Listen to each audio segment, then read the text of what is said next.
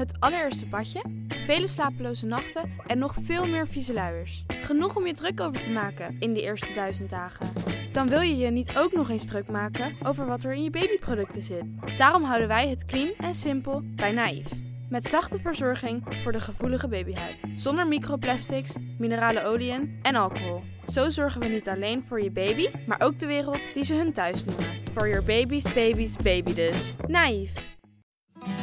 Kijk, het gesprek begon ogenschijnlijk over het onrecht dat mensen wordt aangedaan als er zo'n vernietigende recensie wordt geschreven.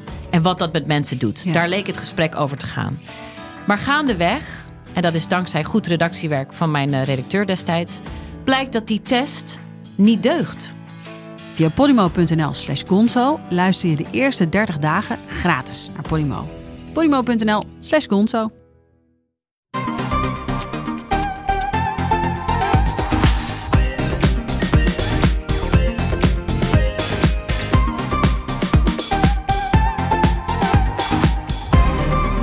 Welkom bij de Bright Podcast van woensdag 18 januari over de trending topics in tech. Mijn naam is Tony en ik zit hier vandaag met Erwin, Hey. Floris Yo. en aan het einde hebben we ook nog kort een gast.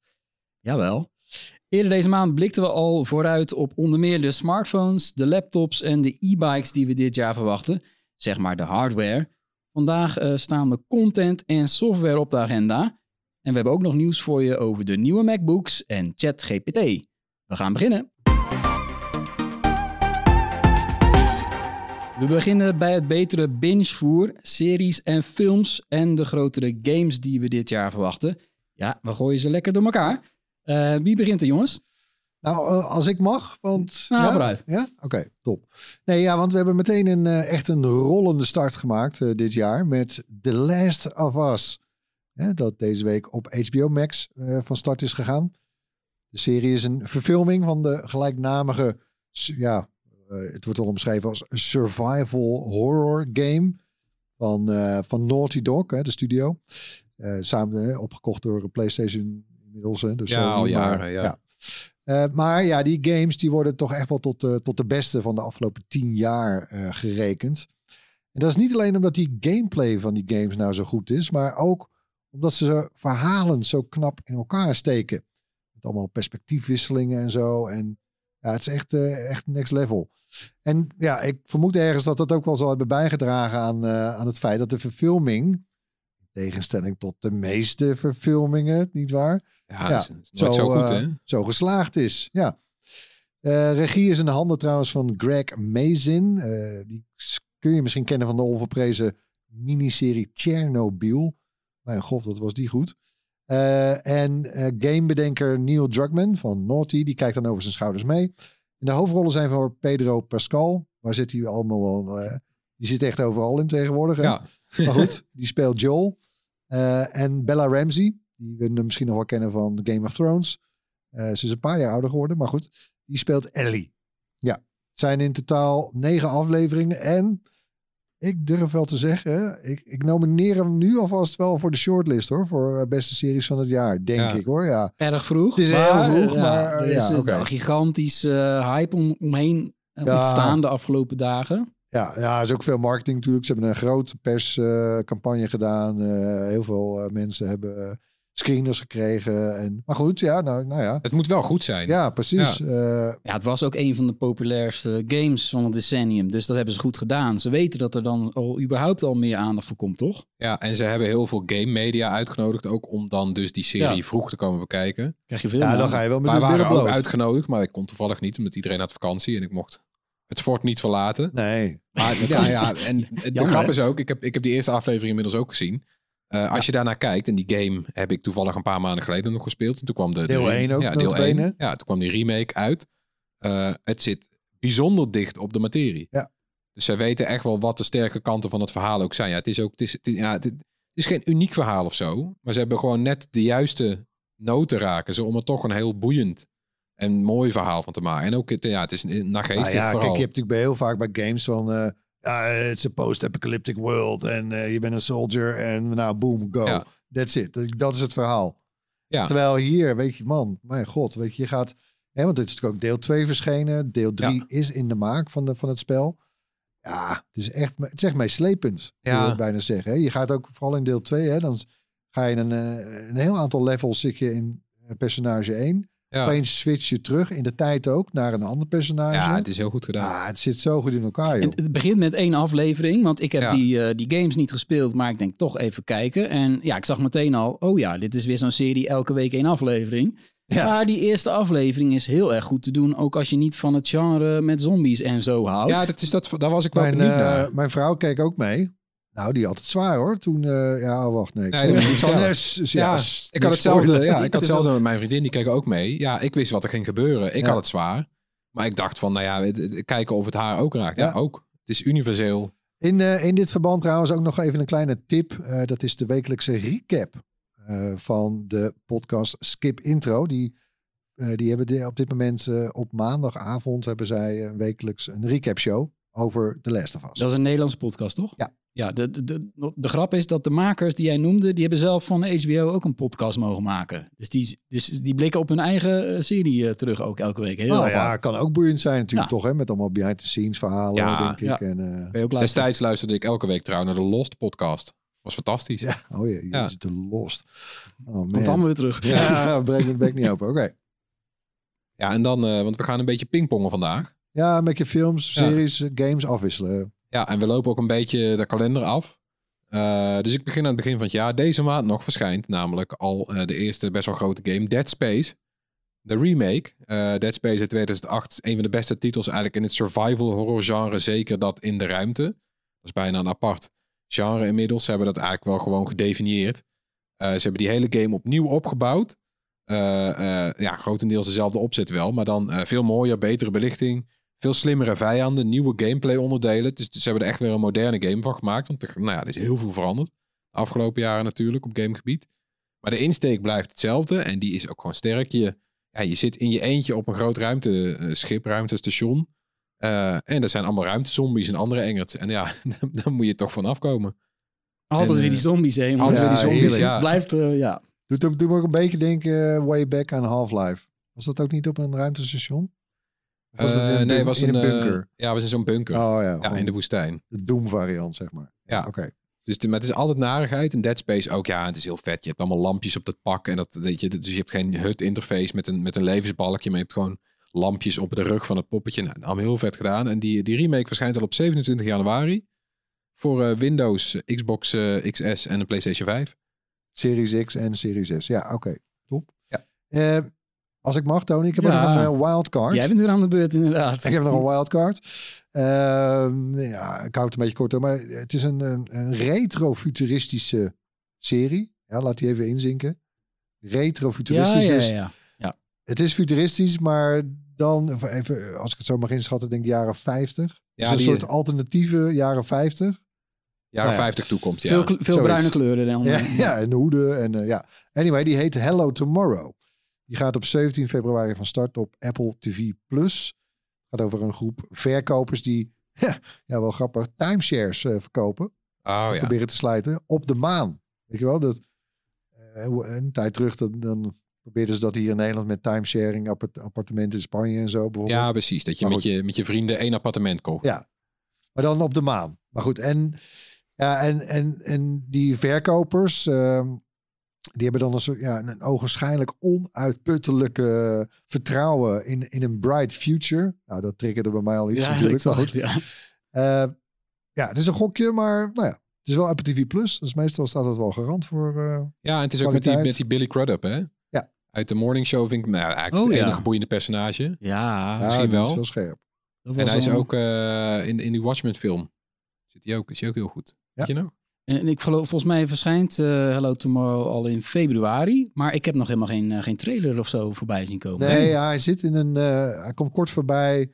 Eh, Apple heeft zo'n zo'n reel uitgebracht voor dit jaar. Hmm. Wat er allemaal op TV Plus gaat verschijnen. Daar komt hij even in voorbij. Hm. Maar ja, Ja. voor iets wat over een paar weken al Ja. verschijnt. Maar goed, Weet niet. nee, ik heb ook Maar ja, mijn- ik heb mijn best gedaan. Geen trailer gevonden. Maar Daarom goed. een wildcard. Ja. Ja, Ja. en dan, dan zijn we dus, we horen het al in februari aanbeland. En dan verschijnt ook de eh, PlayStation VR 2. Dus het, het, ja, een VR-bril speciaal voor de PS5. 600 euro. Hè? 600 euro, ja. Of 650, maar... eh, eh, Fikse prijs. Je hebt hem besteld, toch? Harm, Harm heeft hem Harm heeft hem besteld. ja. ja. ja, ja. Arm is degene die hem besteld heeft. Eh, ja, het is wel vet, want er worden speciaal allemaal games voor die bril gemaakt. Eh, met voorop toch wel Horizon Call of the Mountain Door eh Guerrilla uit Amsterdam. En eh, in die VR-game speel je voor het eerst eh, niet Aloy in de wereld van Horizon, maar de jager Ryus. Dus in die spelwereld met robotdieren en dan moet je klimmen en puzzelen en schieten en dat allemaal in VR, first person natuurlijk. De meeste VR-games zijn first person, want dan, nou ja, dan zit je helemaal in die game. En die, nou ja, Call of the Mountain verschijnt samen met die bril op 22 eh, februari. Nou, daar zijn we al super benieuwd naar natuurlijk. Gaan we ongetwijfeld proberen. Ja, En, nee, eh, dat is best wel, eh, heeft best wel wat jaren geduurd voordat ze met die tweede versie kwamen. Want die eerste PlayStation VR, dan ga ik in mijn gedachten terug waar wij toen zaten Erwin, met Bright als redactie. Nou, dat, de- volgens mij was het 2017 of, of 16 zelfs. Zoiets, hè? Ja. Een paar locaties geleden, ja. Precies, ja. Ja, en dat was in technisch opzicht natuurlijk, dat, dat- ja, dat was van tevoren helemaal niet bedacht ook of zo. Dus daar moest je dan, daar, moest, daar hing dan een adapter tussen. Dus je moest een adapter aan je PlayStation 4 Ja. pluggen en nou, heel veel gedoe. Die, die VR2 die blijft nog wel tetterd. Hè? Dus die hebben al één Ja, kabel. Maar, kabel. de- maar that's it, hè? Ja, USB-C, lange USB-C-kabel. En de rest, ja, je hoeft ook geen sensoren meer neer te zetten. Dat was vroeger allemaal nodig. Moest je dingetjes neerzetten, zodat die bril wist waar die was. Nou, dit is allemaal nu veel slimmer. Gewoon bril op en, en spelen. Je hebt twee van die eh, handhelds erbij, hè? Ook weer van die, eh, ja, met diezelfde DualSense uh, haptic feedback en zo. Tof. Zelfs haptic feedback in de bril op je hoofd. Dus ik ben heel erg benieuwd hoe dat dan gaat voelen. Dat je als je een klap krijgt op je achterhoofd, dan voel je dat ook. Ja. Auw. Eigenlijk wel heel leuk toch om te testen. Ik zou zelf de VR-brillen nooit kopen voor games. Ik ben geen gamer, maar en VR heb ik eigenlijk ook niks mee. Maar nu, je dat zo, maar nu je het zo zegt, denk ik, ja, ik ja. wil het wel een keer proberen. Hè? Ja, hè? Ja, en als je het nou niet wil proberen, maar je wil wel meer Horizon, dan kan het ook. Want op 19 april verschijnt die, eh, die, die DLC, een nieuw hoofdstuk voor Horizon Forbidden West. Burning Shores, wel Oh, weer gewoon ja, met zin in. Aloy. Ja, Zin in. Zin in. Ja, jullie zijn echte Horizon-fans, hè? Van die, van Ja. die serie. Ja, Ja, het begint ook wel een mooie franchise, zoals dat heet, eh, te worden. Eh, over mooie franchises gesproken, Erwin. Want jij hebt vast iets van Star Wars eh, op je playlist staan, hè? Uiteraard. Ja. Nee, tuurlijk. Ja, ik ben, ik ben eigenlijk eh, nog best wel aan het nagenieten van Endor. Eh, ik luister bijvoorbeeld ook weer naar die podcast eh, More Civilized Age. Eh, die, echt van die super Star Wars eh, fans zijn dat eh, uit Amerika. Heerlijk. Een hele aflevering vanochtend nog geluisterd van twee uur lang over de muziek van Endor. Twee uur. Maar goed, eh, ik, Ja, ben ook, ja. ik ben ook aan het aftellen naar 1 maart. Want dan verschijnt het derde seizoen van The Mandalorian. Jawel, op Disney Plus natuurlijk. En Mando en Grogu, of eh, nou, Baby Yoda, als je, hem, eh, eh, als je die naam was vergeten. Ja, die zijn dus weer bij elkaar. En ze gaan nu naar eh Mendo's thuisplaneet, Mandalore. En dat belooft al wat. Yeah, this is the way. Eh, heel veel zin in. En dan in het najaar, eh, dat is niet het enige van Star Wars. Nee, want dat is tegenwoordig nooit meer het eten. Nee, nooit meer alleen. nee. Ja, precies. Momenteel trouwens loopt er ook die animatieserie, de Bad Batch. Ook best leuk, maar had het denk ik niet halen bij de Mandalorian. Maar in het najaar wordt dan ook nog Ahsoka verwacht. Naar het geliefde personage. Dat we in de Mandalorian en in The Book of Boba Fett al voor het eerst in live action vertolkt zagen door Rosaria, eh, Rosaria Dawson. Ja. En wat jou betreft wordt het nooit te veel Star Wars. Nou ja, het hangt er vanaf. Kijk, vorig jaar eh Mandalorian was te gek. Boba Fett was niks. Kenobi viel tegen. Endor was uitmuntend. Ja. Ja, is ook niet erg dat ze dan, als ze veel doen, zit er ook altijd wel een paar hele goede tussen. Nou ja, vooruit, vooruit. Eh Floris, jij hebt Ja. ook iets van Star Wars, toch? In jouw game Ja, want het, is, het is, zijn niet alleen series, het is ook eh, games. Dus we hebben dit jaar, hebben we, en ook best wel snel al... eh, De films Star- doen ze niet meer aan, hè? Nou, bijna niet. Hè. Nou. Er staan er nog steeds geen gepland. Het was ooit waren het films, ja, maar dat, dan kom er nou nog maar eens om. Ja, Star Wars Jedi Fallen Order, die, die kwam in 2019 uit. Nu hebben we het vervolg, Star Wars Jedi Survivor. eh, weer met een Jedi, Cal Kestis. We zitten tussen de delen 3 en 4. Dus zeg maar die periode waarin al die Jedi nou ja, of uitgemoord of opgejaagd worden. Jij bent een van de laatste Jedi en je wordt opgejaagd. Die was echt nog zo'n leerling. eh, eh, nou ja, een apprentice was je ja inderdaad, zo'n een padawan. Eh, nou ja, en, en je ziet in het eerste deel hoe dat dan allemaal gekomen is. En nu, eh Cal Kestis kan meer, weet meer, begrijpt ook dat hij opgejaagd wordt, maar die wil ook best wel een soort van wraak of zo. Nou ja, ik ben, ik ben wel benieuwd wat heen gaat. Want die, Want hij is ook hij is wat ouder nu dan. Hij is wat ouder. Dan Die in de- vorige game- eerste game. Ja, en die eerste game was echt wel verrassend. Ja, als je die nu gespeeld hebt, doe dat vooral. En het vervolg verschijnt dus binnenkort. Ja, het is ook een heel lekker. Je bent gewoon een Jedi en het voelt ook alsof je een Jedi bent. Je hebt een lightsaber, je hebt al die force krachten. Die kan je dan een beetje oplevelen en zo, zodat je steeds meer kan. Vijanden eh, wegduwen, eh, naar je toe halen, eh. Nou, het voelde allemaal super vloeiend. Dus ik verheug me hier ontzettend op. En het verschijnt ook alweer snel, want Star Wars Jedi Survivor komt op 17 maart uit. Voor eh, Windows, Xbox Series XS en PlayStation 5. Ja. Vind ik ook goed Nou, nieuws. ik had, eh, ik had naar aanleiding, ik had laatst, eh, wat het de vorige week volgens mij ook al was de tip van Harm, hè? Was ja, het dit dat je, die, eh, dat je bij PlayStation Plus... ja, dat ben ik dus ook gaan doen. Want Fallen Order, hè, dus dat eerste deel is nog steeds te koop, maar kost gewoon nog steeds 49 euro. ja, vaak is dat zo. dus ja. ik heb gewoon een PlayStation Plus genomen voor een maand. Hoeveel kost dat eigenlijk? Ja, wat was het net? Tientje? Tientje zoiets, ja. Ja. Ja. Ja, dan, ga ik, dan speel ik gewoon dat spel helemaal uit. En dan zeg ik het erop. Oh. Ja. Ja, en, en zoals jij dit spel nu omschrijft trouwens, Floris, is die niet... eh, ja, moet er geen Star Wars VR-game komen? Voor die PlayStation VR 2? Ja, die komt er ook. Ja, precies. Ja, dit, maar dit is een VR-game die al bestaat voor de PC. Maar dat is wel inderdaad een... eh, ja, dan speel je volgens mij ook... Ik weet niet, ook weer iets met... Je komt Darth Vader tegen. Maar het is eerlijk gezegd, net als met de series, is het met Star Wars games ook een beetje een soort hit or miss. Ja. Eh, die, die Fallen Order was de, ja, bijna onverwacht. En Ja. toevallig een soort heel erg goed.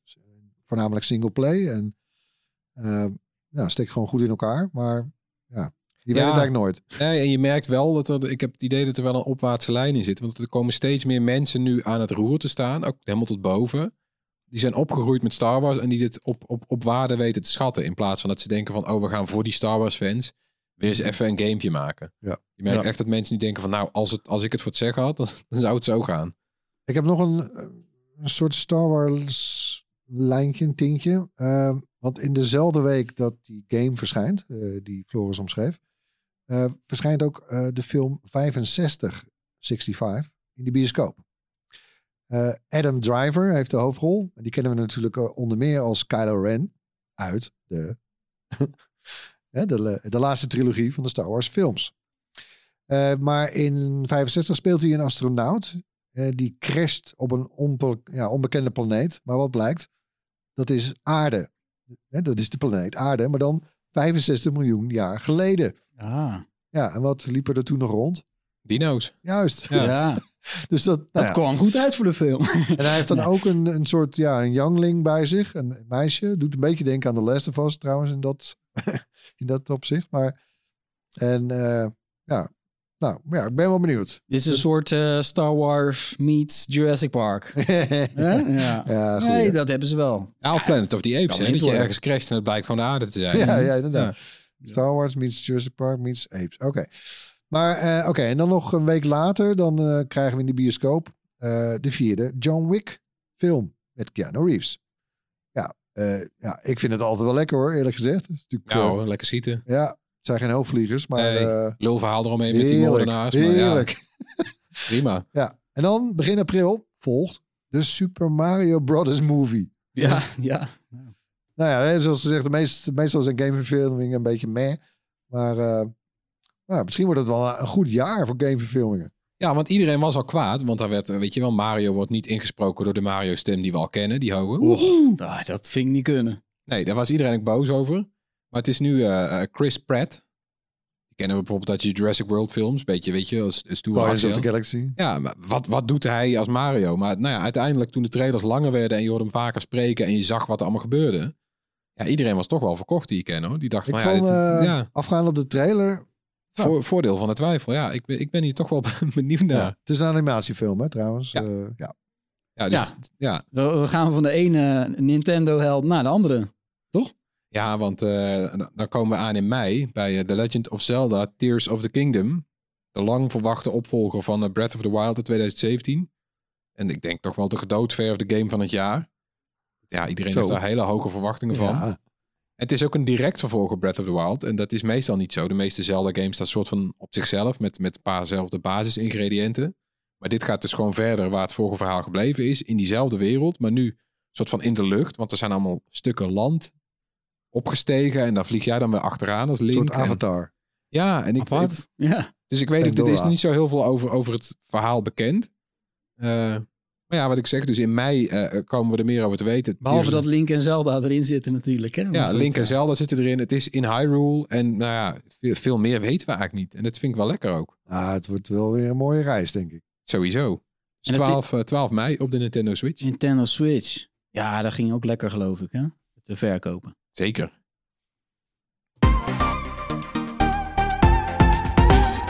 Ja, we gaan zo weer door over games en series. Maar nu even een korte boodschap van onze sponsor. En dat is deze week Y-Food. Ken je dat? Je schrijft het eh, Griekse ei en dan food. Ja. Nee, die, eh, ik heb het al in de winkel zien staan. Staat ook beneden hier in de kantine. Gewoon de drankjes. Ja. Ja, het is wel meer dan een drankje. Het is een hele maaltijd in een fles.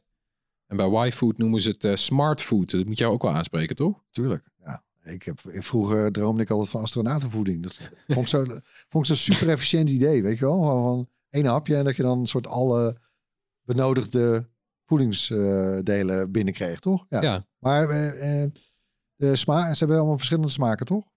Acht, acht smaken, eh, zoals vanille en banaan. Maar ook bijvoorbeeld de bessen en kokos. Lekker, lekker. Maar, eh, want ik lees hier ook wel wat dingen over online. En er is ook vooroordelen over, kun je, zou je kunnen zeggen. Eh, Ja. Is het nou echt zo dan, dat ik dan geen boterham meer hoef te smeren of zo? Of, eh, Nou ja en nee. Eh Y-Food bevat 26 vitamine en mineralen. Dus alles wat je lichaam nodig heeft. En het geeft ook een vol gevoel. Daar hebben ze het ook op ontwikkeld. Maar Y-Food zegt dat het niet hun bedoeling is om elke dag jouw zelfgemaakte lunch te vervangen. Dit is meer zeg maar voor die gevallen waarin je even geen tijd hebt om zelf zijn boterham te smeren. Of iets te maken. En dan is een flesje Y-Food alsnog een stuk gezonder dan een patatje of een zak chips of een chocoladereep. Ja, nou ja, daar kan ik me wel in, eh, daar kan ik me ook wel in vinden. Ehm, en ik, ik ken die geval ook wel, net zoals vandaag, hè, de podcastdag bij ons, woensdag. Woensdag podcastdag. Ja. Dat nemen we altijd op zo'n beetje rond de lunch, net daarna. Ja, het schiet er ook wel eens bij in. Ja. Ja, en met een hongerklop eh, podcast opnemen is ook niet leuk, kan ik je zeggen. Maar ehm, oké, en, en want waar is, bedoel, ik heb het, zie het hier in de kantine staan, maar waar is het allemaal nog meer te koop dan? Ja, het ligt in veel supermarkten en ook op stations en tankstations kan je tegenwoordig Y-Food kopen. Eh, maar je kan het het beste bestellen online, want dan heb ik korting voor je natuurlijk. Kijk, Ga dan naar yfood.nl en vul bij het afrekenen de code BRIGHT2023 in. Aan elkaar geschreven, dan krijg je 10% korting op je bestelling en dan betaal je maar rond de 3 euro voor een flesje Y-Food. Dat is toch goedkoper dan in de supermarkt. Ja, en hier beneden vragen ze er helemaal eh woekerprijzen voor. Ja, de- de kan- kantine van RTL, je betaalt, eh, het is heel goedkoop, alles is goedkoop, behalve Y-food. Ja. Betaal je 5 euro. Ja, bijna wel. Dus je mag, eh, ja, Hm. gebruik dan die, die kortingscode. En als het nou bevalt, dan kan je bij YFood ook grootverpakkingen kopen. Voor nog een lagere prijs. Dan betaal je nog minder. Want YFood is super lang houdbaar, ook buiten de koelkast. Oh, dat is wel handig. Ja. Breid, breid 2023. Ja. Check. Oké, gaan we door met de games, series en films van 2023. We rollen op de kalender gewoon richting de zomer alweer. Ja, lekker man. Eh, ik heb op 28 juni. Is dat al zo? Telt het? Is dat officieel zomer? Eh, ja, net. Of is het eind van het voorjaar? Nou, maakt niet uit. 28 juni keert Indy terug. Ja, ja. Met eh, Indiana Jones en The Dial of Destiny. Oh, jeugd, jeugdsentiment, nostalgie, alles nu. Ja. hè? Ja. Indiana Jones. Nou, eh, ik vind wel... Kijk, Harrison Ford is inmiddels 80. Ik ben op dit moment trouwens ook op eh, Sky Showtime in 1923 aan het kijken. Speelt hij ook een hoofdrol. Ook een nieuwe serie, ja. wel oud geworden hoor. Mm, absoluut. Ja, ik bedoel, dat is die ook. Dus eh, geen blame. Maar mm, nou ja, anyway. Eh, de, er is ook al een trailer van en ook. eh, er is een trailer van en dan zie je hem af en toe ook al voorbij komen als soort jonge Indiana Jones. En Ja. de CGI daarvan zag er best wel goed uit, moet ik zeggen. ja, want er is volgens mij iets met tijdreizen of zo. Ja, dat, dat zal een rol spelen. Dial hij, of Destiny. hij komt een soort op verschillende leeftijden voorbij. Ja. Ja. Ja, en het leuke is natuurlijk, dat zien we vaker. Dat hebben we in die Star Wars films ook. Dat ze ook weer jongere versies van oudere mensen. Met Luke Skywalker. Zo. Ze zijn er beter in geworden hoor. Ja. Bij, eh, ja, bij Lucasfilm. Anyway, maar een film waar ik dan eerlijk gezegd nog iets meer naar uitkijk, eh, die verschijnt een maand later in juli, is Oppenheimer van Christopher Nolan. Eh Cillian, of, eh, Cillian Murphy, bekend van Peaky Blinders onder andere, speelt eh, de bedenker van de atoombom, hè? eh, Robert Oppenheimer. Eh, er zijn ook eh, sterke bijrollen voor Matt Damon, Robert Downey Jr., Ja, en Nolan kennende. Heb je die trailer toevallig gezien, man? Ik zat er alweer helemaal in. Ja, Dat wordt gewoon echt weer episch. heb je gelijk, want Nolan heeft een beetje een hekel aan CGI. Hè? Die wil zoveel mogelijk echte effecten. Voor Tenet heeft hij ook een echt vliegtuig opgeblazen. En Nou, nu ik heeft hard hij... vast eh, wat hij voor deze film heeft Ik moeten doen. zeggen, heeft hij een atoombom opgeblazen dan voor Hij- deze? Heel Nou, klein, heel kleintje. Hij heeft, ja, het, kennelijk heeft hij wel een waterstofbom in de woestijn tot ontploffing gebracht om, een, eh, om zo'n mushroom cloud te krijgen. Oké. dus als je een mushroom cloud in die film ziet, dan is dat echt. Ja, met slaat IMAX nergens- eh, ja. camera's gefilmd. Ja, dus ik ben daar ook wel heel benieuwd naar, ja.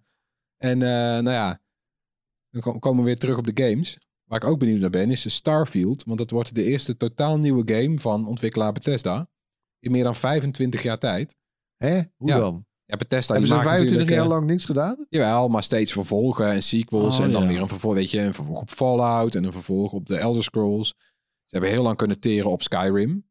Dat is denk ik de game na Doom die op de meeste apparaten verschenen is. Eh, maar Starfield die doet weer eens helemaal wat anders. Eh, het wordt wel weer een open wereld game. Daar zijn ze toch wel goed in. Skyrim heeft een beetje dat ook uitgevonden dat je mag gaan waar je wil. Je mag zelf je avontuur maken. Te gek. Eh, dat kan je nou ook doen. Maar dan eh, niet eh, ja, in alleen een open wereld, maar in een open heelal. Want er zijn talloze planeten, daar kan je naartoe. Eigen inzicht, daar kom je op een planeet, ga je kijken wat er gebeurt. En dan zal iemand je wel aanspreken en die zegt, nou, ik ben ook weer wat kwijt. En dan mag je dat gaan zoeken of zo. Ja, je mag precies doen wat je zelf wil. En er is ook nog een, een, een hoofdverhaal. Het is mij niet helemaal bekend nog wat er gaat gebeuren. Dat hebben ze ook nog een beetje onder de pet. Maar het, ja, het, het, wordt wel, het wordt wel heel wat. En het komt ergens dit jaar uit. Klinkt heel groots. Het is heel groot ook inderdaad. En het, het moet ook de, de- ja, toch wel de eerste supergrote eh Xbox exclusive worden. Na Halo een beetje. Dit, dit wordt hem wel. En, eh, want ja, het- Bethesda is een tijdje terug overgenomen door Microsoft. En komt die game dus ook eh, exclusief uit voor Windows en de Xbox Series XS. En die staat ook direct op Game Pass. Dus dit Oh. wordt echt zo'n Hmm. Game Pass parel. Ook wel goed, maar we weten dus nog niet precies eh, op welke datum. Nee, ergens dit jaar. Oh, ja. Nee, dat geldt trouwens ook nog. Ik heb ook nog twee, eh, twee series. Eh, is ook de datum nog niet exact van bekend. Maar ja, verwacht ik rond de zomer, in de zomer.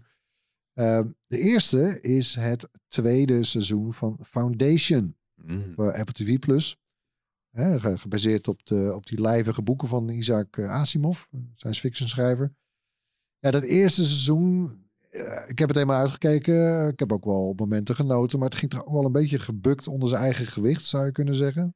Ja, En, en, en het, echt het grotesk enorme verhaal eh, wat er verteld moet worden. je begrijpt meteen waarom ze zeggen... dit is al tien keer geprobeerd en steeds ja, mislukt. is onverfilmbaar, Ja. hè, zeiden ze heel lang. Ja, Als film is het inderdaad niet te doen, denk we ik. proefden het een beetje. Ja, het is toch Eh, college volgen een beetje. Het is echt van, nou laat mij jou eens even schetsen welk heelal ik heb bedacht. Ja, ze proberen dan. Het is een verhaal wat geloof ik duizend jaar eh, Ja. omvat. Nou, Ja. Anyway, ik heb toch wel, ja, nee, ik vond het toch wel ook wel weer gaaf eh, bij Tijd en Weilen. En Ja. nou, eh, seizoen 2. De andere is het zesde seizoen van Black Mirror. Ja, Ze zijn terug, ja. Ja. Het is, ja, Ja. Die zou het bijna zijn vergeten, zo'n paar jaar eh, Ja. geleden. Hè? nee, nou inderdaad. Het, het vorige seizoen, seizoen 5, dat verscheen in 2019. Dat is toch ook alweer even geleden, jongens. Ja, en het leek er lang op inderdaad dat de geliefde science fiction serie, eh, ja, hè, met altijd de reflecties van, van, eh, van de rol van tech in de maatschappij, ja, dat dat gestopt was. Maar goed, nee. eh, Charlie Brooker, hè, de, de, de bedenker van de serie, die heeft van Netflix groen licht gekregen. Nou, daar nog maar En hij wilde er zelf ook mee door. Dat is denk ik ook nog. Want op een gegeven moment had ik de indruk dat die man er zelf ook klaar mee was. Want er werd zo va- vaak, wordt er nog steeds verwezen naar Black Mirror. Van ja, kijk eens wat er nu gebeurt op Ja. techgebied. Zie je wel, het komt allemaal uit wat we in Black Mirror al gezien hebben. Daar werd hij zelf volgens mij ook wel een keer Ja. eh, klaar, klaar mee. Maar Die indruk kreeg ik is ook, ook inderdaad. echt zo, toch, jongens? Ja, het is een van de meest invloedrijke series onderhand. Ja. Eh, wat ook heel invloedrijk is, waar je ook mee dood wordt gegooid volgens sommige mensen, zijn natuurlijk eh, superhelden. Ja, nou ja, ja. Eh, je komt er niet omheen. Nee. Ik zou Maar- graag willen, maar nee, ja. Nou, ik word eerlijk gezegd niet heel erg warm van de line-up eh, dit jaar. Eh, Marvel lijkt, ja, eh, als je mij vraagt, eigenlijk over zijn hoogtepunt heen. En DC lijkt het nooit te gaan halen. Maar, Oh, nu, nu worden een aantal mensen heel boos. ja, dat Blijf zal luisteren. vast. Maar nee, nou ja, kijk, de line-up voor dit jaar. Ik gooi even Marvel en DC door elkaar. Maar Ant-Man and the Wasp, eh Quantumania, Shazam, Fury of the Gods, eh, The Flash, The Marvels, eh, Aquaman en The Lost Kingdom. Ja, het zijn wel ook een beetje de mindere goden, hè? Eh, de enige die ik, nou waarschijnlijk vrijwel zeker, nou niet in de bioscoop, maar daarna, zodra die meteen op Disney Plus verschijnt, wel ga kijken, is volume 3 van Guardians of the Galaxy. Daar heb ik toch een beetje een soft spot voor die, die- ja, die soort, soort Brady Bunch in Space of soort. Zo'n wacky Ja. gang. Ja. Eh, er komt ook nog een nieuwe Spider-Man animatiefilm. eh, Across the Spider-Verse. Dat multiverse, eh, dat blijft maar een thema, blijkbaar. Ja. Maar goed. En, Floris, een nieuwe Spider-Man game. Ja, dit is denk ik het, het, het Marvel-ding waar ik me dit jaar het meest op verheug. Want die films worden inderdaad, ja... Ze zijn, ze zijn aan, het, aan het bouwen ergens naartoe, maar het duurt volgens mij ook door corona extra lang tot ze eindelijk een keer op een punt komen. Ja, ze zijn mij echt aan het verliezen hoor. Maar Ja, ik heb het ook een beetje het idee. Maar ja, het- dit, is, dit is weer lekker een, een eigen verhaal wat niet met dit eh, Cinematic Universe samenhangt. Insomniac Games die maakte in 2018 die hele goede Spider-Man game. Zo. Wist niet wat er overkwam. Eh, we hebben een klein vervolg gehad toen de PlayStation 5 uitkwam, Miles Morales. Eh, maar nu krijgen we pas het echte vervolg, waarin Miles Morales en Peter Parker samen eh, de strijd aangaan met Venom. Nou ja, weet je, dat is helemaal af. Dat wil, je, dat wil ik super graag spelen. Dit is ook de eerste eh, Spider-Man game exclusief voor de PS5. Die vorige die kwamen ook voor de PS4 uit. Dus dan moet je je nog een beetje inhouden als developer. Gelukkig zijn de voorraden weer een beetje aangevuld. de voorraad zijn aangevuld. Insomniac is misschien wel de studio die het meeste uit een spelcomputer haalt altijd. Dat zagen we ook al met Ratchet Clank. Dat is net een Pixar film die je kan spelen. Dus ik ben super benieuwd wat, eh, wat Spider-Man 2 gaat brengen. En eh, wanneer precies is nog niet duidelijk. Maar ik zou gokken ergens op de, op de feestdagen pas. Dat duurt nog wel even. November of zo. Zoiets. Moet wel, eh, moet wel voor de feestdagen komen natuurlijk. Ja, daar ga ik wel Ja. vanuit. Maar en, en even om dat blokje superhelden af te sluiten, dan eh, kijk ik zelf nog wel het meest, denk ik, uit naar de anti-superhelden serie. Gaat wel over superhelden. Nou, ja. Eh, The Boys op Amazon Prime Video. Hè, dat zijn een soort superhelden, maar je ziet echt een soort de, de lelijkste kanten van de superhelden. Ja. Zijn eigenlijk allemaal bad guys. Super commercieel. Het is echt heerlijk. Ehm, en daar komt, een, eh, ja, daar komt het vierde seizoen van uit. En ja, ze gaan gewoon all out. Het is nog meer blood, guts en gore. Ze gaan echt, ja, dat gaat helemaal over de top, denk ik. Heerlijk. Wat een hoop content, hè? Maar we zijn er nog niet. Want, is niet ja, normaal. Nee, het, ik, volgens mij is het niet normaal. Nee, Nee. Ik, dat, dat gevoel bekrijgt me nu wel. Het is maar een kleine greep uit het gigantische aanbod. Wat wij nu hebben gemaakt. Ja, Ja, Het is echt, eh, want wij, wij kijken vooral naar science fiction eh, qua series en films. nee, dat, de dat merk lijst je, had maar vijf keer zo lang kunnen zijn. die is niet te geloven. Maar ja, is er nog een klapper helemaal aan het eind van het jaar te verwachten volgens jullie? Nou ja, die, eh, degene die bij mij ook het hoogst op de, op de lijst staat eigenlijk voor, voor heel 2023 is eh, June, part 2. Ja. Ja. Ja. Ja, Dennis eh, Villeneuve, hè, die heeft eh, Frank Herbert's beroemde science fiction boek opgesplitst in een tweeluik. Daar kwam ik eh, tijdens de film van deel 1 eigenlijk pas aan het einde achter. ja dat Ik had me ja. bewust helemaal niet ingelezen. Oh ja. Dus ik, aan het einde zag ik pas van, eh, Wordt vervolgd. ja, ik denk, oh. Maar goed, dat die, dus de deel 1 verscheen in 2021. Ik moet zeggen, ik kijk hem nog steeds. Om de paar maanden kijk ik die film nog een keer. Helemaal. Ja, helemaal. Ja, ik vind Oh, het zo knap Ja. gedaan, jongen. De art direction. Eh, nou ja het, het, ja, het verhaal was al te gek natuurlijk. Maar Dus jij gaat echt naar de première van deze nou, in de bioscoop. 3 november gaat het gebeuren. Ja. En ik ga met mijn oudste dochter, heb ik beloofd. Die heeft eh, deel 1 gelezen, eh, of gelezen, gezien. Nou, ze wist niet wat ze zag. Ja, vond het leuk? Ja, dit is echt een soort science fiction educatie, vind ik. Ja, is wel hebt waar. natuurlijk en het verhaal, beroemd, beroemd science fiction verhaal. Ja. We kennen natuurlijk de geschiedenis. Eh, David Lynch heeft er ook nog eens een poging gewaagd. We kennen het verhaal van... John Dorowski. Ja, juist die. Prachtige documentaire over verschenen ja echt een heel aanradertje. Ja, en Villeneuve, die heeft dat echt voortreffelijk gedaan. Ik zag ook, die video is wel een jaar oud, maar zoek eens eh, op YouTube naar een gesprek. Eh, het wordt aangeboden door Variety, het Amerikaanse Hollywood eh, weekblad. Ja. Ehm, eh, een gesprek tussen James Cameron en Dennis Villeneuve. En dan, dan bespreken ze elkaars film. Ja, Avatar en June. Ah, te gek interview. Het is echt heel interessant. Hele interessante materie ook. Zeg twee ja, echt high-level regisseurs onder elkaar over Ja. hun films. Heel, ja eh, ik heb dat ook gezien. Heel respectvol ook. Dat je ook, eh, dat Villeneuve ook... eh, Want, want James Cameron wordt nog wel eens verweten dat hij gewoon hypercommercieel is. Omdat zijn film toevallig gewoon tien jaar lang de best bezochte film was. Avatar. Ja, maar qua worldbuilding bijvoorbeeld Precies. is het natuurlijk onovertroffen eigenlijk. Nou ja, en Villeneuve merkt dan ook op van je hebt toch een, kennelijk een snaar geraakt. Een, een, een ultieme escapisme in je film gebouwd. Ja, ik vond het wel een mooi gesprek tussen die twee. Nou, mooi slotstuk van Erwin. Dan geef ik jou er ook nog eentje, Floris. Ja, ik blijf, ik, ik blijf ook toevallig in de woestijn. Want ik, ik ben toch wel heel benieuwd naar eh, de nieuwe Assassin's Creed. Mirage. oh, Die zou ja. best wel stof kunnen worden. Want eh, nou ja, Assassin's Creed eh, begon ooit in 2007. Huurmoordenaar in de woestijn. In het, in de, ja, in het Midden-Oosten. eh, In, in Bagdad en zo, Damascus. Net als die verfilming toen. Toch? Ja, precies. Ja. Een beetje, ja, die verfilming die greep daar weer op terug. Maar nou ja, die eerste game die, die vond daar plaats. En vervolgens gingen ze overal naartoe. Naar Italië. De hele En, wereld over, ja. ja, in Parijs is er een game. Een game in Londen. Er is een game in, in, in, in Amerika terwijl het gesticht wordt. Eh, het oude Egypte, Griekenland. Ze, hebben, ja, het, het- ze konden het zo gek niet bedenken. En eh, nu gaan ze weer terug naar de basis. Komen weer terug in het middeleeuwse Midden-Oosten. Nice. Dus ik ben heel benieuwd. En die verschijnt eh, Ja, nog dit jaar dan hopelijk, hoop jij? het, eh, het is Ubisoft. Dus het zou me niks verbazen als dit allemaal weer eh, doorschiet. Maar het- ze hebben tot nu toe geprobeerd om bijna elk jaar een Assassin's Creed uit te brengen. Dus ik hoop het nog wel, ja.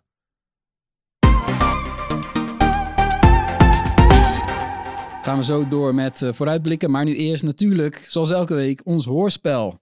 Eh daar hoor je elke week een techgeluid en dat mogen jullie dan raden. Dit was het geluid van vorige week.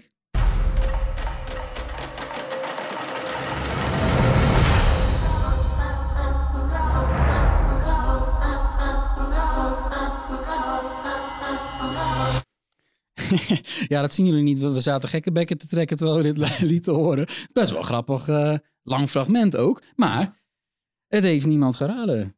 Dat gebeurt ons niet vaak meer. Nee. Dat is dus wel echt een uitdaging voor iedereen die dit hoort. Ja. ja, ja, ja, misschien een hint. Ja, die, eh, simpele hint. Eh, we hebben het er net nog over gehad. Ja, dat is een lange lijst, maar ja, hij Ja. zit ertussen. Hij zit ertussen. Ja. ja, ja, ja, Zullen we hem nog één keertje laten horen? vooruit, ja.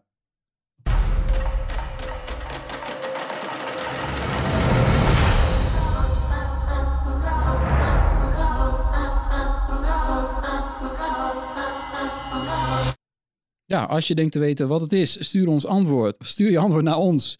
Podcast at. Onder de mensen die het juiste antwoord hebben ingestuurd, verloten we dat gewilde Bright T-shirt. Ja, en dan staat er dit jaar ook nog heel veel te gebeuren op het gebied van abonnementen, features, diensten die nu nog niet in Nederland gelanceerd zijn. En daar willen we toch even kort eh, eh, ook naar kijken. Ja, want Tony, dat, dat heb jij vooral uitgezocht. Eh, Ja, heb, klopt. je, heb je een paar highlights voor ons? Ja, eh, een van de belangrijke dingen die dit jaar naar Nederland gaat komen is eh, goedkopere abonnementen op streamingdiensten. Daar hebben we het wel een keer over gehad in de podcast. Dat is ook al gelanceerd in Amerika door Netflix. Eh, je weet wel, het goedkopere abonnement met reclameblokken. Dat is er al in twaalf landen. Hier nog niet. Ehm, in Duitsland betaal je bijvoorbeeld 5 euro per maand maar. Nou, hey, dat, dat is best wel goed. Ik heb nu geen Netflix. Ik zou wel Netflix hebben als dat abonnementen zou zijn. Het is het nu nog niet, maar ja, daar kijk ik eigenlijk wel naar uit. Eh, is minstens 3 euro goedkoper dan het normale basic abonnement. En ja, jullie kennen, hebben jullie allemaal dure 4K abonnement. Dat scheelt echt wel een hoop geld. Dat is toch een Dat is belangrijk ook- thema. Ongeveer het allerduurste streamingabonnement wat er is eh, Ja. bij Netflix, het 4K-abonnement. ja, dan krijg je bij het goedkope abonnement is de beeldkwaliteit lager. En je krijgt natuurlijk die 4 minuten reclame per uur. En een iets kleiner aanbod eh, aan films en series. Maar een hele hoop van die, ja, hele hoop van materiaal op Netflix is original. Dus dat wordt ook wel, dat valt mee. Eh, wat ook belangrijk is bij Netflix om te onthouden, is dat ze strenger gaan controleren. Dus als jij je account hebt gedeeld, eh, wachtwoord heeft gestuurd naar vrienden en familie, ja, kan wel eens een probleempje gaan worden. Want ze willen daar maandelijks een extra bedrag voor in rekening gaan brengen als jij je login hebt gedeeld met iemand die buiten jouw huishouden zit. Eh 3 dollar extra eh, in de eerste landen. En dat willen ze al dit eerste kwartaal wereldwijd gaan uitrollen. Dus daar hoor je binnenkort zeker meer over. Eh, het idee is dat je één locatie als je thuisadres kan instellen. Dus je kan dat wel wisselen als je op vakantie gaat of tijdelijk ergens anders zit. Maar Oh, als het, zo. ja, precies. Ja, je hebt vooral last van, van als je Netflix kijkt op je tv of zo, toch? Het is niet dat ze kan controleren waar je met je telefoon allemaal komt. Nee, en sowieso inderdaad niet op je telefoon, maar dan weten ze dat je bent onderweg en dan, Ja. dan is het allemaal minder belangrijk. Klopt. Eh, ja, Disney komt ook met een nieuw abonnement eh, naar Europa, ook met die reclameblokken. Het probleem is dat dat eh, in Amerika al gelanceerd is in december. En dat het bleek gewoon even duur te zijn als het huidige reclamevrij abonnement. Ja. Want dat werd duurder. Kijk, dus Ja, ik zie erbij al langer. Ik denk dat Disney dan ook zo'n prijsverhoging hier gaat eh, invoeren als ze dat reclameabonnement eh Ik las lanceren. dat, dat RTL en Talpa ook willen dat NL ziet dat ook gaat invoeren. Ja, dat is ook, zit misschien ook nog wel wat in. Videoland heeft het zelf ook. Ja, Videoland Ja. heeft het al, maar Ja. dat ze het voor NL ziet ook willen. En voor NL ziet ook, ja. nou, ik vind het helemaal niks. Nee, jij bent er tegen. Ik ben er echt falikant tegen. De stoom komt uit je oren. eh. Ja. Ja. Ja. De hele streamingervaring eh, doet het wel afbreuk aan. Maar ja, Ja. Ja. mensen willen ook... Dan is het gewoon eigenlijk gewoon weer tv zoals het was. Maar wij zijn toch Ja. gewoon dan eh, de, de- de afgelopen jaren gepiepeld. Je bent gewoon lekker gemaakt met, oh, voor dit bedrag kan je dat eh, kopen. Ja, en dan, ja, dan alsof je de Uber hebt dat je alsnog opeens weer los met een creditcard moet gaan betalen in de taxi. Ja, ik vind het de heel hele vervelend. belofte was Ja, betaling is geregeld. Ja. Nu bij de streaming geen advertenties meer. Ja, en dan dit. Ja, maar er zijn te veel verschillende abonnementen. En ik hoor jullie ook elke keer weer... Ja, dan, dan hoor ik jullie zeggen... Dit moet je kijken op Disney. Dit moet je kijken op Netflix. En die, heb, die twee heb ik toevallig nu niet. Ja, En als het goedkoper zou kunnen... dan kan ik, kan ik die leuke dingen ja wel voor- ook het- kijken. ik vind prima dat ze een goedkoper abonnement met reclames maken. Maar ze moeten niet mijn lopende abonnement elk jaar weer een paar euro gaan verhogen. Omdat ze Nee, dus dat, dat is 10.000 ook de... slechte series maken. eh, Er zijn ook Stroomlijn is die productie gewoon. Want het, Ja, het- het- kennelijk, precies. ooit was de belofte... eh, eh, met zoveel gebruikers zijn we kostendekkend en dan kunnen we mooie dingen maken. En nou gaan ze, gaan ze het lopen omdraaien. Men weet dat er ook een andere manier is om, eh, ja, om dit te bes- besturen, zeg maar, de streamingdienst. Dat is gewoon om eh, de kosten eh, omlaag te krijgen. Want waarom zou je de prijzen... Hè, de prijzen moesten ook verhoogd worden, omdat zo gigantisch veel geld wordt uitbesteed ja, aan het productie van al die Ja. originele series. Ja, Netflix vooral. Als je bij En Netflix is niet kijkt, normaal ja, hoeveel die maken. het is niet bij te houden. Nee. Je kan letterlijk niet, als je zelf als je er een dagtaak van maakt, krijg je nog niet alles bekeken wat Netflix uitbrengt. Dus ik hoop dat Netflix minder gaat maken en niet de prijzen verhoogt. Ja. Daar komt het op neer. En dan blijft nog even bij streamingdiensten. Want een ander ding wat er gaat gebeuren dit jaar... is dat HBO Max en Discovery Plus... die gaan samen. Er wordt één dienst. En eh, dat gaat eh, eerst gebeuren in Amerika, zegt Warner Bros. eh, Discovery. En daarna later dit jaar ook hier. We hebben ze beide al in Nederland natuurlijk. En ja, er, er, is nog niet zo heel veel bekend wat het dan gaat kosten als het één dienst wordt. De naam is wel gelekt. Ja, nou ja. En, die wordt? En die wordt, die wordt Max. Dus ja, Pepsi leuk. Max. Maxi Max. Leuk voor Max Verstappen. Die zit bij Viaplay, dus dat, dat kan niet. Maar eh, ja, die diensten hebben samen 100 miljoen abonnees al. Dus dat is ook... Omroep Max. ook- ja, ik- ja, misschien mag het in Nederland geen Max heten, nu dat Hey. zegt. Hey. Daar moeten we nog achteraan, maar het is officieel nog niet eh, bekendgemaakt. Dat komt pas later. Eh, op zich is HBO Max wel goed van start. Als je 100 miljoen abonnees hebt samen met Discovery, is niet slecht hoor. Nou ja, dat is natuurlijk een andere manier, zeg maar, om, om deze ongekend felle concurrentiestrijd te overleven. Is het gewoon eh, ja, fuseren, toch? Ja. Eh, zodat er daar gewoon de allersterkste overblijven. Het is ook wat er vast gaat gebeuren, want iedereen gaat lopen hoppen. Nou ja, dat kan niet al die. Ja, weet je, we weten dat de meeste van die streamingsdiensten hebben gewoon eh, alleen nog maar verlies geleden. Dat hou je ook maar zo lang vol, tot je inderdaad zegt van nou, we stoten het af of, of we kopen er nog een op en dan. eh, Ik hoop alleen wel dat bij dat Max, dat dan, eh, ja, dat, dat niet Discovery met, met zijn eh, garage, Tja. blinde garage inhoud, ja, Ja, die programma's, series, Ja. eh, dat, dat, ja, dat HBO zeg maar wel de boventoon mag voeren. Ja, het is een beetje een rare combi hè. Ja. We ja, gaan zien. Eh, andere streamingdienst gaat over audio, is Spotify. Eh, we hebben het al wel eens over gehad dat Spotify heeft beloofd om te komen met een abonnement met betere audio-kwaliteit. Nou ja, Apple heeft zoiets eh, twee jaar geleden al heel lang gelanceerd. En daardoor heeft Spotify zoiets van, ja, het is sowieso niet voor de meeste mensen. Ah, die, die willen er ook geld voor gaan vragen. Ja, die wilden er een hoger bedrag voor Ja. gaan vragen. Ja, Terwijl, ja, dat ja, was de grap toen, hè? Dus ze hebben. Spotify is een tientje, weet je wel. Iedereen heeft in het hoofd Spotify, tientje, niet meer over nadenken, prima, heel populair. Maar Apple die stopt het gewoon in de bestaande prijs. En Apple heeft het gratis bij Apple Music toegevoegd. En ik heb laatst eh, een interview gehad met een topman van, van Spotify. En natuurlijk probeer ik erachter te komen van... komen jullie met dat eh, betere, betere geluidskwaliteit? Spotify Hi-Fi. Zelfs de naam hadden ze al bekendgemaakt. Hè? Dat is het gekke. Ja. Nou, waar blijven jullie? Nou, hij wilde gewoon niks over zeggen. Hè? Echt niet. Maar wel zo van, ja, nee, ja, nou, er kwam eigenlijk dus niks concreets uit. En dat zegt misschien wel dat het niet heel veel haast heeft. Dus ik moet nog zien of dat er gaat komen. Wat hij wel zei, wat er sowieso wel dan zal komen dit jaar, is dat, er, dat Spotify audiobooks gaat verkopen in Nederland. Dat doen ze al een tijdje in de eerste landen. En eh, ja, mogelijk eh, ja, kan het toch wel belangrijk worden voor de Nederlandse luisterboekmarkt. Het zijn best wel duur namelijk luisterboeken. En je moet ze dus per stuk betalen. Je krijgt ze niet bij abonnement in. Het is echt een aparte dienst waar Spotify op in gaat zetten. Ze komen ook met allerlei uitbreidingen rond uh, podcasts. Daar zijn ze ook best groot in. Uh, en in Nederland, kijk, ze willen geen officiële cijfers geven. Heel lullig is dat natuurlijk. Maar ja, ze zijn echt by far de grootste. Het is echt verbluffend. Dus Ja. Ik bedoel, Apple komt niet eens, dat is echt niet eens in de buurt. Het is echt niet te geloven eigenlijk. Ja, dus we, we gaan zien. Eh, eh, wat wel eh, iets is waar ik zelf ook wel naar uitkijk, is eh, 5G. Dan denk je, ja, 5G hebben we toch al? Nee, nee, komt-ie. De huidige 5G is eigenlijk lang niet zo snel als wat het kan zijn. Eh, en daarvoor is namelijk de 3,5 gigahertz band nodig. Dat is een frequentieband. Die wordt dan eindelijk na jaren vertraging deze herfst wordt die geveild.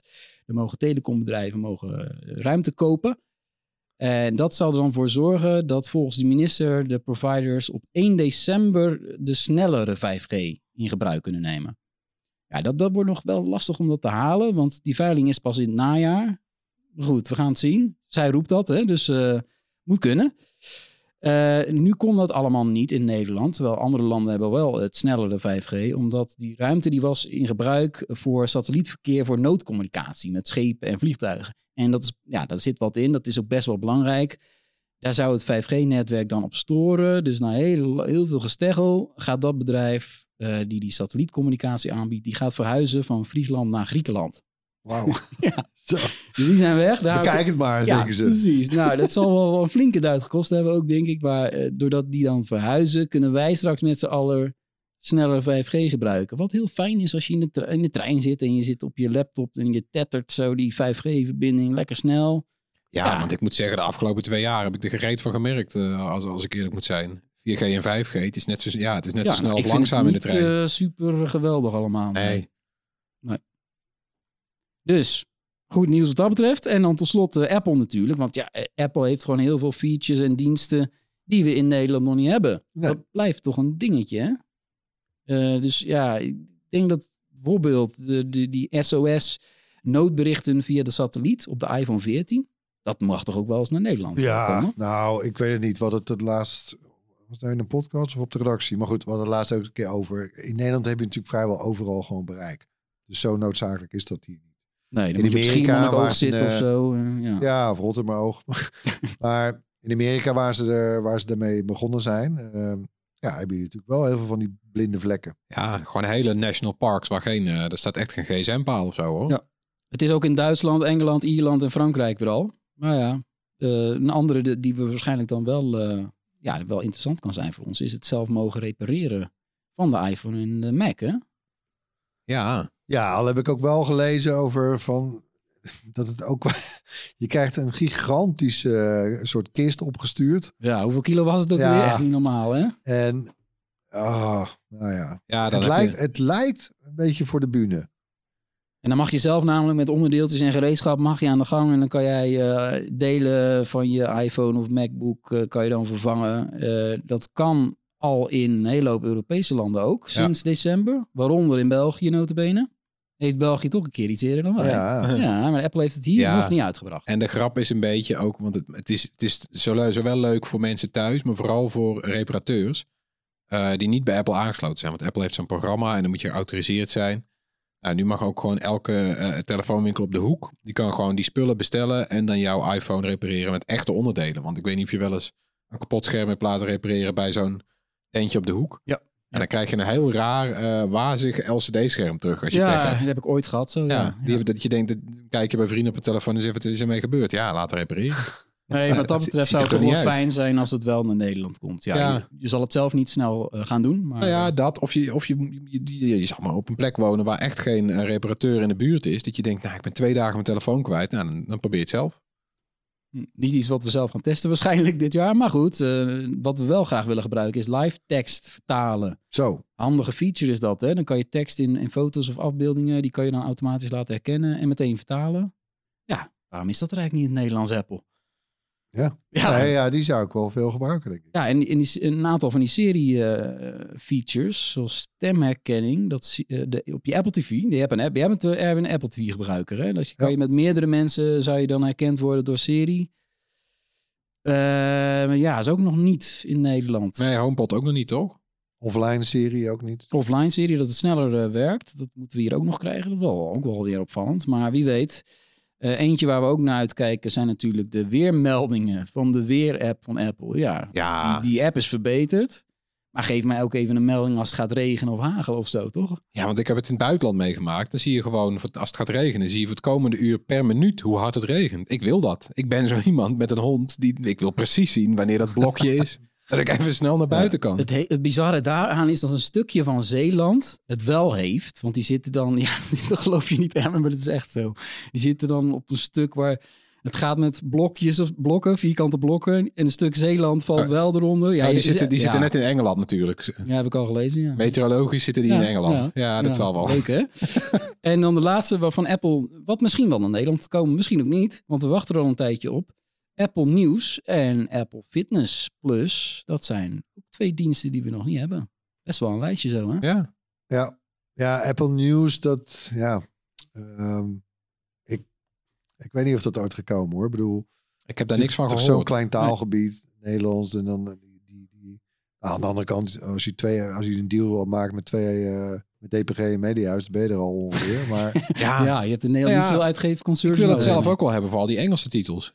Ja, Nee, dat is het vooral. Ja, dat vind ik jammer. Ik spreek ook Engels toevallig. Dus Ja, en daarom is het zo raar dat je Oh, die, ja? die fitness... Ja, ehm, very good. ja. dat je die fitnesscursus ook niet gewoon in het Engels kan doen, joh. Kom op, hé. eh. Ja, maar het is best wel leuk. Dan kan je dus gewoon Ja. je Apple Watch koppelen aan je Apple TV. En dan houdt hij automatisch precies bij of je goed meedoet.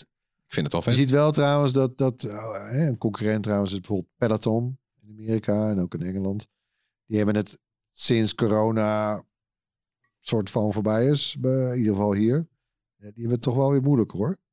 Ja. Ja. Die kregen vooral, hè, die wisten vooral veel abonnees te winnen in die tijd, in die twee coronajaren.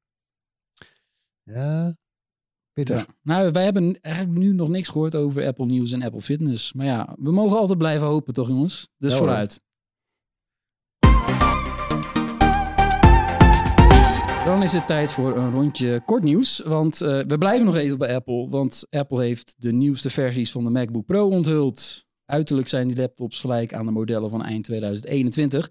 Intern zijn ze wel geüpdate natuurlijk naar de snellere M2 Pro en M2 Max chips. En dan kwam Apple ook nog met de nieuwe Mac Mini, ook met eh, M2 chips. Tja, Erwin, Nou, ik, ik had het goed hè. Ik bedoel, ik had net mijn video over... net eh, op tijd. Met de Apple voorspellingen Ja, voor als dit je het jaar. nog niet hebt gezien, er staat een video op ons YouTube-kanaal. Waarin Er- Erwin, dat doen we vaker natuurlijk, aan het begin van het jaar vooruitblik op het jaar van Apple. Echt veel verschillende dingen. En net op tijd gepubliceerd. Ja, want ik, ik zei daar ook al in dat, eh, dat de MacBook Pro, eh, de nieuwe 14, 16 inch met die nieuwe M2 chips, eh, ja, dat die, dat die aankondiging eh, heel snel werd verwacht. Eh, ze waren eigenlijk al, ze stonden op de rit voor oktober, afgelopen najaar, november. Eh, dat was ook nog een soort van gelekt. Hè? Er is een, een, video verschenen van zo'n 20 minuten. eh, wat je een beetje kan beschouwen als de keynote video over de, die bij deze press release hoort. En had de een of andere link Goochum gezien dat in de, in de naam of in de URL eh, stond oktober 2022. Oeh, Kortom, leuk hè? nou ja, had, ja, dit ja, had eerder dat geweest. was de eh, oorspronkelijke planning dus. ja. Maar goed, ja, nee, de M2 chips, ehm, M2 Pro, M2 Max. Ik vond wel leuk dat, eh, dat je dus nu ook voor de Mac Mini, eh, dat je, ja, er komt een versie met de M2 chip, maar ook eentje met de M2 Pro chip. ja. Dat is wel geinig. Eh, die met de gewone M2 die begint bij 719 euro voor de Mac Mini. De, die met de M2 Pro bij 1569. Dat is een hoop geld, denk je. Maar hè, dan kun je ook een MacBook Air voor kopen. maar- die, ja, die heeft dan een M2 chip. Dus die Mac Mini is dan wel eigenlijk sterker. Hè? Ja. Ja, en ik, die, die, die M2 Mac Mini, die is echt niet duur. Die is volgens mij goedkoper dan de, de M1 Mac Mini. Dat moet, ja, dat moet ik even researchen, ook daar nou de eh, prijs van was. Ja, maar hij is Eh, niet, volgens mij in ieder geval niet gestegen. Nou, dat is al een uitzondering. Het is al een want, uitzondering, eh, ja. jeetje, mina. Ja, is nee, tegen. Behalve de Apple TV. TV maar goed. ja. We En gaan je- eh, die nieuwe apparaten gaan we wel eh, testen. Dat wel. Ja, gaan we iets mee doen. Ik hoop dat we weer een recensie-exemplaar krijgen met de, de meeste RAM. Dat was de vorige keer ook. De vorige keer Dat was is het meestal zo, ja. volgens mij 32 of 64 gig. Nu is het eh 96 gigabyte werkgeheugen. ja Hallo. ja, dat, eh, dat vonden mensen leuk. Omdat eh, ik las ergens op social media gewoon iemand die, die vond het spannend om het aan te klikken. Om, om het in zijn winkelmandje te gooien. Oeh, En dan de prijs te checken. En, eh, oh, ja. durf ik het aan? Nee, durf- Viel me nog mee. Een maxed out eh, M, eh, M2 Max met 96 gig. En een 8 terabyte. Die was dan eh 7.500 euro of zo. Het is veel, Ja. maar ja, voor, een professional is dat eh, in de lijn der verwachting op zich. Ja, ik vind van de line-up vind ik eigenlijk die Mac Mini met de gewone M2-chip eigenlijk het interessantst. Dat is gewoon best wel een scherpe prijs. Eh, je hebt dan gewoon een hele krachtige computer eigenlijk. Alleen nog geen scherm. Er was ook heel veel eh, nieuws over de taalbot ChatGTP en andere AI-tools. Eh, Nederlandse scholieren die zijn ook massaal aan de slag gegaan met de tekstgenerator ChatGPT, waar we het eerder over hebben gehad. Want ja, ze gebruiken het voor eh, huiswerkopdrachten. Ja. Makkelijk. Bij de NOS, eh, die stelde de vraag en die kregen meteen al eh, meer dan eh, 250 scholieren die zeiden, ja hoor, dan gebruik ik eh, de chatbot voor mijn schoolopdrachten. En eh, toevallig hebben wij deze week een VMBO-scholier bij ons eh, te gast voor de zogeheten snuffelstage. Toch, Boas? Ja, zeker. hè, de Ja. hele tijd. Ja, spannend toch? Hoe Ja, heel trouwens? Wat zei je? Hoe vind je het? Ja, het is superleuk hier te zijn. Leuk. En ja, wij zijn gewoon benieuwd. eh, hoor jij van medeleerlingen dat zij ook eh ChatGPT inzetten voor huiswerk en alles? Ja, ik hoor het wel om me heen veel, zeg maar. En ik hoor het ook wel van klasgenoten en vrienden van me, zeg maar. En voor, wat, voor wat voor opdrachten dan zoal? Nou, stel eh, een eh, schrijfopdracht voor Nederlands of eh, dat soort dingen. Maakt ook niet uit welke taal trouwens. Hè? Nee. Ja. Dus, Nee, het is best wel opvallend dat het best wel goed Nederlands is. Ja, En, dus- en jij weet ook van, eh, van scholieren die, er, eh, die gewoon een voldoende of een goed cijfer hebben gekregen van de leraar? Ja. Of zijn er ook be- mensen betrapt? nou, dat hoor ik eigenlijk bijna nooit, dat er mensen betrapt worden op. Ze komen dus gewoon mee weg. Ja, Oh, maar, oh, oh, oh. Ik denk wel dat de leraren wel wat kritischer zullen zijn, denk je niet? ja, nou, dat zou kunnen. Ik heb er nog niks over gehoord, ook niet van docenten. Maar dan, Boas, natuurlijk de gewetensvraag.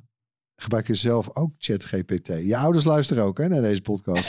Ik weet het. Nee, ik gebruik het zelf niet. Kijk Dus, maar eens eh, aan. Ik kijk er echt aan. Ik gebruik het niet. Maar waarom, en waarom gebruik je het niet dan trouwens? Eh, ja, weet ik eigenlijk niet. Ik heb eigenlijk nooit echt de kans gehad om het echt goed te gebruiken. Of, of leer je het toch liever zelf? Nou, Of- niet liever, maar eh, ja, het is goed te doen. Oh. Weinig Er is hoop, jongens. Er, er wordt wel veel over gesproken, echt niet alleen in Nederland, de hele wereld eigenlijk, de hele onderweer, onderwijswereld. Onderwereld? Ja, de onderwereld, onderwijswereld.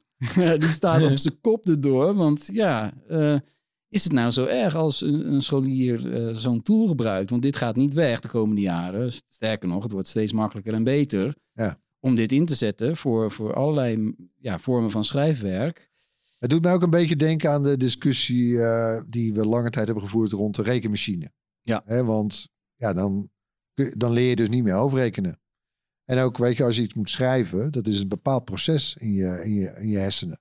Het is ook een verwerkingsproces. Ja, Uh, dus ja, je kunt het uitbesteden. En je kunt dan zeggen, ja, nou ja, maar goed, dan iedereen wordt dan een hele goede eindredacteur eigenlijk. Hè? Want, want dat Ja. gebeurt natuurlijk wel aan de lopende band. Hè? Je moet zo'n tekstje bijna altijd nog wel even nalopen. Ja, Eh, ja, ik denk dat scholieren die het niet nalezen wel echt door, op dit moment nog wel door de mand zullen vallen. Want er zitten wel kromme zinnen in en die haal je als leraar eruit. ja, en sterker, er bestaan ook al bordjes die kunnen herkennen Ja. of het met ChatGPT is gemaakt. ja, want het is toch Dat iets is te een herkennen. Ja. tip voor, eh, voor je onderwijzers, eh Boas, op school. Eh, en nou ja, ik denk dat die discussie nog heel lang zal gaan lopen hoor, trouwens. Eh, eh, het is denk ik wel wat Tony zegt, weet je, het wordt natuurlijk alsmaar beter. Ja, aan de ene kant krijg je natuurlijk mensen van die eh, eh, nou ja, een soort van digital first nadenken en begrijpen van oké, ik kan iets wat ik gewoon saai en, en oeverloos vind, kan ik uitbesteden aan een bot. Nou Ja, dat zal je waarschijnlijk dan later ook in je werk gaan doen, want dat is heus niet, het stopt niet als je als je, als je, je diploma haalt. Maar van de andere kant is het waar wat je zegt. Een van de beste manieren om te leren is nog steeds samenvatten. Iets lezen, je brein dwingen daar een, een, een- nou ja, dat in te koken. En als je het opschrijft, dan gebeurt er daadwerkelijk iets in je brein. Onthoud Dus- het beter. ja, is al lang onderzocht en het is gebleken. Het is wel zonde als, als, als die vaardigheid helemaal wegvalt. Ja, dat klopt. Nou ja, het doet me ook denken aan die uittreksels van vroeger, jongens. Moest je al die boeken lezen. En eh, de, de, scholieren doen toch wel dit soort dingen. Dat blijven ze toch wel gebruiken als het makkelijker kan. Hè? Dat, eh, Natuurlijk. Ik denk dat het heel lastig is. Maar ja, het is aan de docent om het onderdeel te maken van het onderwijs en van de lessen, denk ik. Dus dat, je ook gewoon leert hoe AI werkt. Dat zou misschien ook wel gewoon handig kunnen zijn voor de toekomst. Maar er was ook een eh, nieuws met Microsoft en, eh en OpenAI, hè? Ja, want eh, Microsoft, een van de grote investeerders in OpenAI, de maker van ChatGPT, die heeft gezegd dat ze de chatbot gaan aanbieden aan bedrijven eh, via het cloud-platform Azure. Dus dan kunnen gewoon in feite een hele hoop bedrijven ermee aan de slag. Dus het gaat nu wel echt snel. Zo, ja. Dus hè, op het moment dat je nu met een bedrijf, bedrijf zou gaan chatten op eh, WhatsApp, zit er soms nog een mens. Maar, maar straks denk ik niet meer hoor, hierdoor. Nee, en Microsoft ziet eh, er echt wel business in. Dus die willen nog eens 10 miljard steken in OpenAI. En dat roept natuurlijk wel vragen op. Hoe zit het nou met die twee, die twee bedrijven? Ja, want trouwens OpenAI, dat, bedrijf- ja, dat begon als non-profit, hè? Het is Ja. nu opeens eh, de nieuwe Google. Die hadden hele nobele Waar alle investeerders van Silicon Valley aan mee willen doen. Ja, dat is mede opgericht door, door Elon Musk. Allemaal ja, mooie, eh, mooie principes en dergelijke. eh, Non-profit. Maar die startte dus een paar jaar geleden de winstafdeling, om het maar zo te noemen. Gewoon, ja, echt bedrijf. En die afdeling had gewoon echt geld nodig. Dus die, en, en die wilde die OpenAI, eh, ja, dat systeem, om dat te trainen, de AI. Hoe zij het hebben gedaan is gewoon alle content, alle geschreven content van internet erin laden. En dan maar, ja, dat is echt zoveel cloud power heb je dan nodig. Dat kan je niet als, eh, als een start-up. Dat, dat lukt niet. Dus ze hadden wel een groot bedrijf nodig. Dus ja, zij zijn bij Microsoft gaan aankloppen. Want wij willen jullie cloud eh, gebruiken om de AI-systemen te trainen. Ja, en Ja, die zagen natuurlijk in OpenAI misschien wel een mooi soort eh, bliksemafleider. Ja, want Microsoft was zelf eigenlijk al begonnen. aan- of die, ja, die hebben ook hun eigen chat GPT ontwikkeld, Turing. Dat project liep gewoon, ook een gigantisch project. Kost Ja, krankzinnige hoeveelheden geld en, en cloudkracht. En daar, eh, daar, toch zijn ze met OpenAI ook in zee gegaan. Dat, dat vind ik wel apart. Ja, maar daar kan je misschien ook wel ja, een theorie bij hebben. Waarom zou Microsoft nou in zee gaan met zo'n start-up? Ze hadden zelf eh, in 2016, en dat is een hele hoop mensen misschien vergeten, lanceerde Microsoft ook al zo'n chatbot met AI. Die heette TAI, T-A-I. Greg, en daar hebben we toen over geschreven, omdat dat ding vloog de hele tijd uit de bos met, bocht met allerlei Ja. ja. krankzinnige racistische Ja. dingen en zo, weet je wel. Ja, die was na een dag riep ze al nazi-dingen. Ja. En dat ging natuurlijk de hele wereld over, want Microsoft is zo'n grote partij. En ja, dus de toekomst van technologie is... Ja, ja, iedereen vond het leuk om daar natuurlijk aandacht aan te besteden. Van kijk eens waar het naartoe gaat, jongens. Ja, dan heb je ineens heb je eigenlijk een soort van geintje, een probeerseltje gedaan. En dan ineens word Wordt je... een PR, een PR, ja, PR-dingen en ineens is je beurskoers. eh, ja, ja. PR-blamage. Ja, Ja. dus wie- misschien zit dat er ook wel achter. Ja, Natuurlijk zit er gewoon geld in en je kan er geld aan verdienen, maar dat zit er ook wel achter. ChatGPT is ook niet foutloos, absoluut niet. Er Nou, is want bedenk je nou, die scholieren die er nu mee opgroeien, bij wijze van spreken. Als Open, OpenAI dadelijk zegt van, eh, nou jongens, het, het gaat eens rondjes voorbij. Ja. Ja, Ja, dat gaat gebeuren. Dat gaat gebeuren natuurlijk. Als zij de gratis Ja, offline halen, dan eh, ja, precies. eh, weet je, de, er gaat heel veel fout ook. Hè? Dat vind ik toch wel grappig. Eh, die rel die Microsoft destijds had met de chatbot, komt toch ook wel weer terug nu met ChatGPT eh, op allerlei manieren. Dus er zijn ook co- conservatieven in Amerika, daar zul je ze weer hebben. Die zitten nu eh, massaal te klagen de afgelopen dagen. Van ja, deze chatbot is links, weet je wel, woke. Kan allemaal niet. Nou ja, dat- ze vinden hem te woke. ja, precies. Juist dat soort dingetjes wilde Microsoft natuurlijk eigenlijk niet direct mee geconfronteerd worden. Ja, Ja. daar ga je. Ja, bliksemafleider. Ja, het is echt, lijkt mij echt eh, een bliksemafleider geweest. Ze hebben het zelf. hele hoop andere partijen gaan precies dit ontwikkelen. Hè? Want het is absoluut iets wat je kan nabootsen als je maar genoeg uh, cloudkracht hebt. Maar naast rellen en ophef, de, eerste rechtszaken zijn er ook al. En die heb je ook nog eens. De, er is een rechtszaak gestart door drie uh, kunstenaars in Amerika. Um, tegen de makers van verschillende AI-tools. Niet open AI in dit geval, maar uh, wel uh, Stable Diffusion en Midjourney. Dat zijn van die bekende tools, daar kan je plaatjes mee genereren. Dan typ je wat commando's en dan komen echt fantastische plaatjes voorbij. Een paar seconden genereer je digitale kunst. Maar ja, die, die systemen die zijn getraind met miljarden plaatjes die van internet zijn geript. En hebben ze nooit iemand toestemming gevraagd. En een hele hoop van die afbeeldingen komen van kunstenaars. Die ze bijvoorbeeld op hun eigen Instagram of uh, sites hebben gezet. Ja, daar is uiteindelijk een AI-systeem mee getraind. Dat een regelrechte concurrent wordt voor een hoop digitale kunstenaars en illustratoren en ontwerpers en noem het maar op. Die hebben echt en ook weer die nu nog gratis is, maar dadelijk misschien ook wel tegen betaling ja, dat, daar zit ook een. Uiteindelijk zijn het bedrijven die gaan winst maken. Ja, want het is heel raar. Je kan ook gewoon intypen van maak een afbeelding van Star Wars, maar dan in de stijl van uh, een Disney-film. We zouden eigenlijk gewoon alle bewoners ter, ter wereld zouden een soort massale class action kunnen ja. lanceren. Ja, want nou, jouw site is ook gescreept, Tony. Die van mij ook. Als je het over tekst hebt, uh, wat ik van, uh, van ChatGPT wat je daarvan hoort is dat ze gewoon, ze hebben gewoon alles, hebben ze gewoon. Alles wat openbaar op internet stond, of het jouw blog, blog is uit 1999. Of... 800 gigabyte aan tekstbestanden las ik. Nou, dat is veel hoor. Want je, je weet zelf hoe klein een tekstbestandje is, een paar kb. Dat moet enorm veel zijn. Ja, en deze, deze kunstenaars, uh, ja, die, die zijn deze zaak gestart om te kijken of het stand houdt volgens de Amerikaanse wet. Want die uh, AI-bedrijven, die beroepen zich nu allemaal op fair use. Ja, sure, zou ik ook zeggen als ik u was. Want dat is een uitzondering in de Amerikaanse auteurswet. Ja, het is niet direct copyright schending, want ja, we genereren toch nieuwe afbeeldingen en we gebruiken het wel om iets te trainen. Maar ja, een trainen. Trainen? Van, ja, te trainen van een AI-systeem. Ja, de, dus de wet misschien niet helemaal duidelijk over. Ja, ja, een soort uh, loophole. Ja, maar in Nederland hebben we bijvoorbeeld al geen fair use. We hebben wel het citaatrecht. Dat is een, bijvoorbeeld als je een paar zinnetjes uit een ja, artikel dat gaat hier helemaal niet op. Dat geldt niet. Dus ja, wordt hartstikke spannend. Uh, een rechtszaak over AI. En gelukkig dus, ja, voor Microsoft gelukkig dat ze er zelf niet bij betrokken zijn. Maar ja, dit soort dingen gaan we wel Ik heb zo'n vermoeden dat ze het hier nog vaker over gaan hebben. Ja. Bedankt weer voor het luisteren. Laat gerust iets van je horen. Mail ons op podcast.bright.nl of drop ons een DM op een van onze socials. Uh, tot volgende week natuurlijk. En luister ook nog even naar deze bonus tip. De Bright Podcast houdt je op de hoogte over de trending topics in tech en telt maandelijks meer dan 50.000 downloads. Wil je met je product, dienst of vacature ook aan bod komen?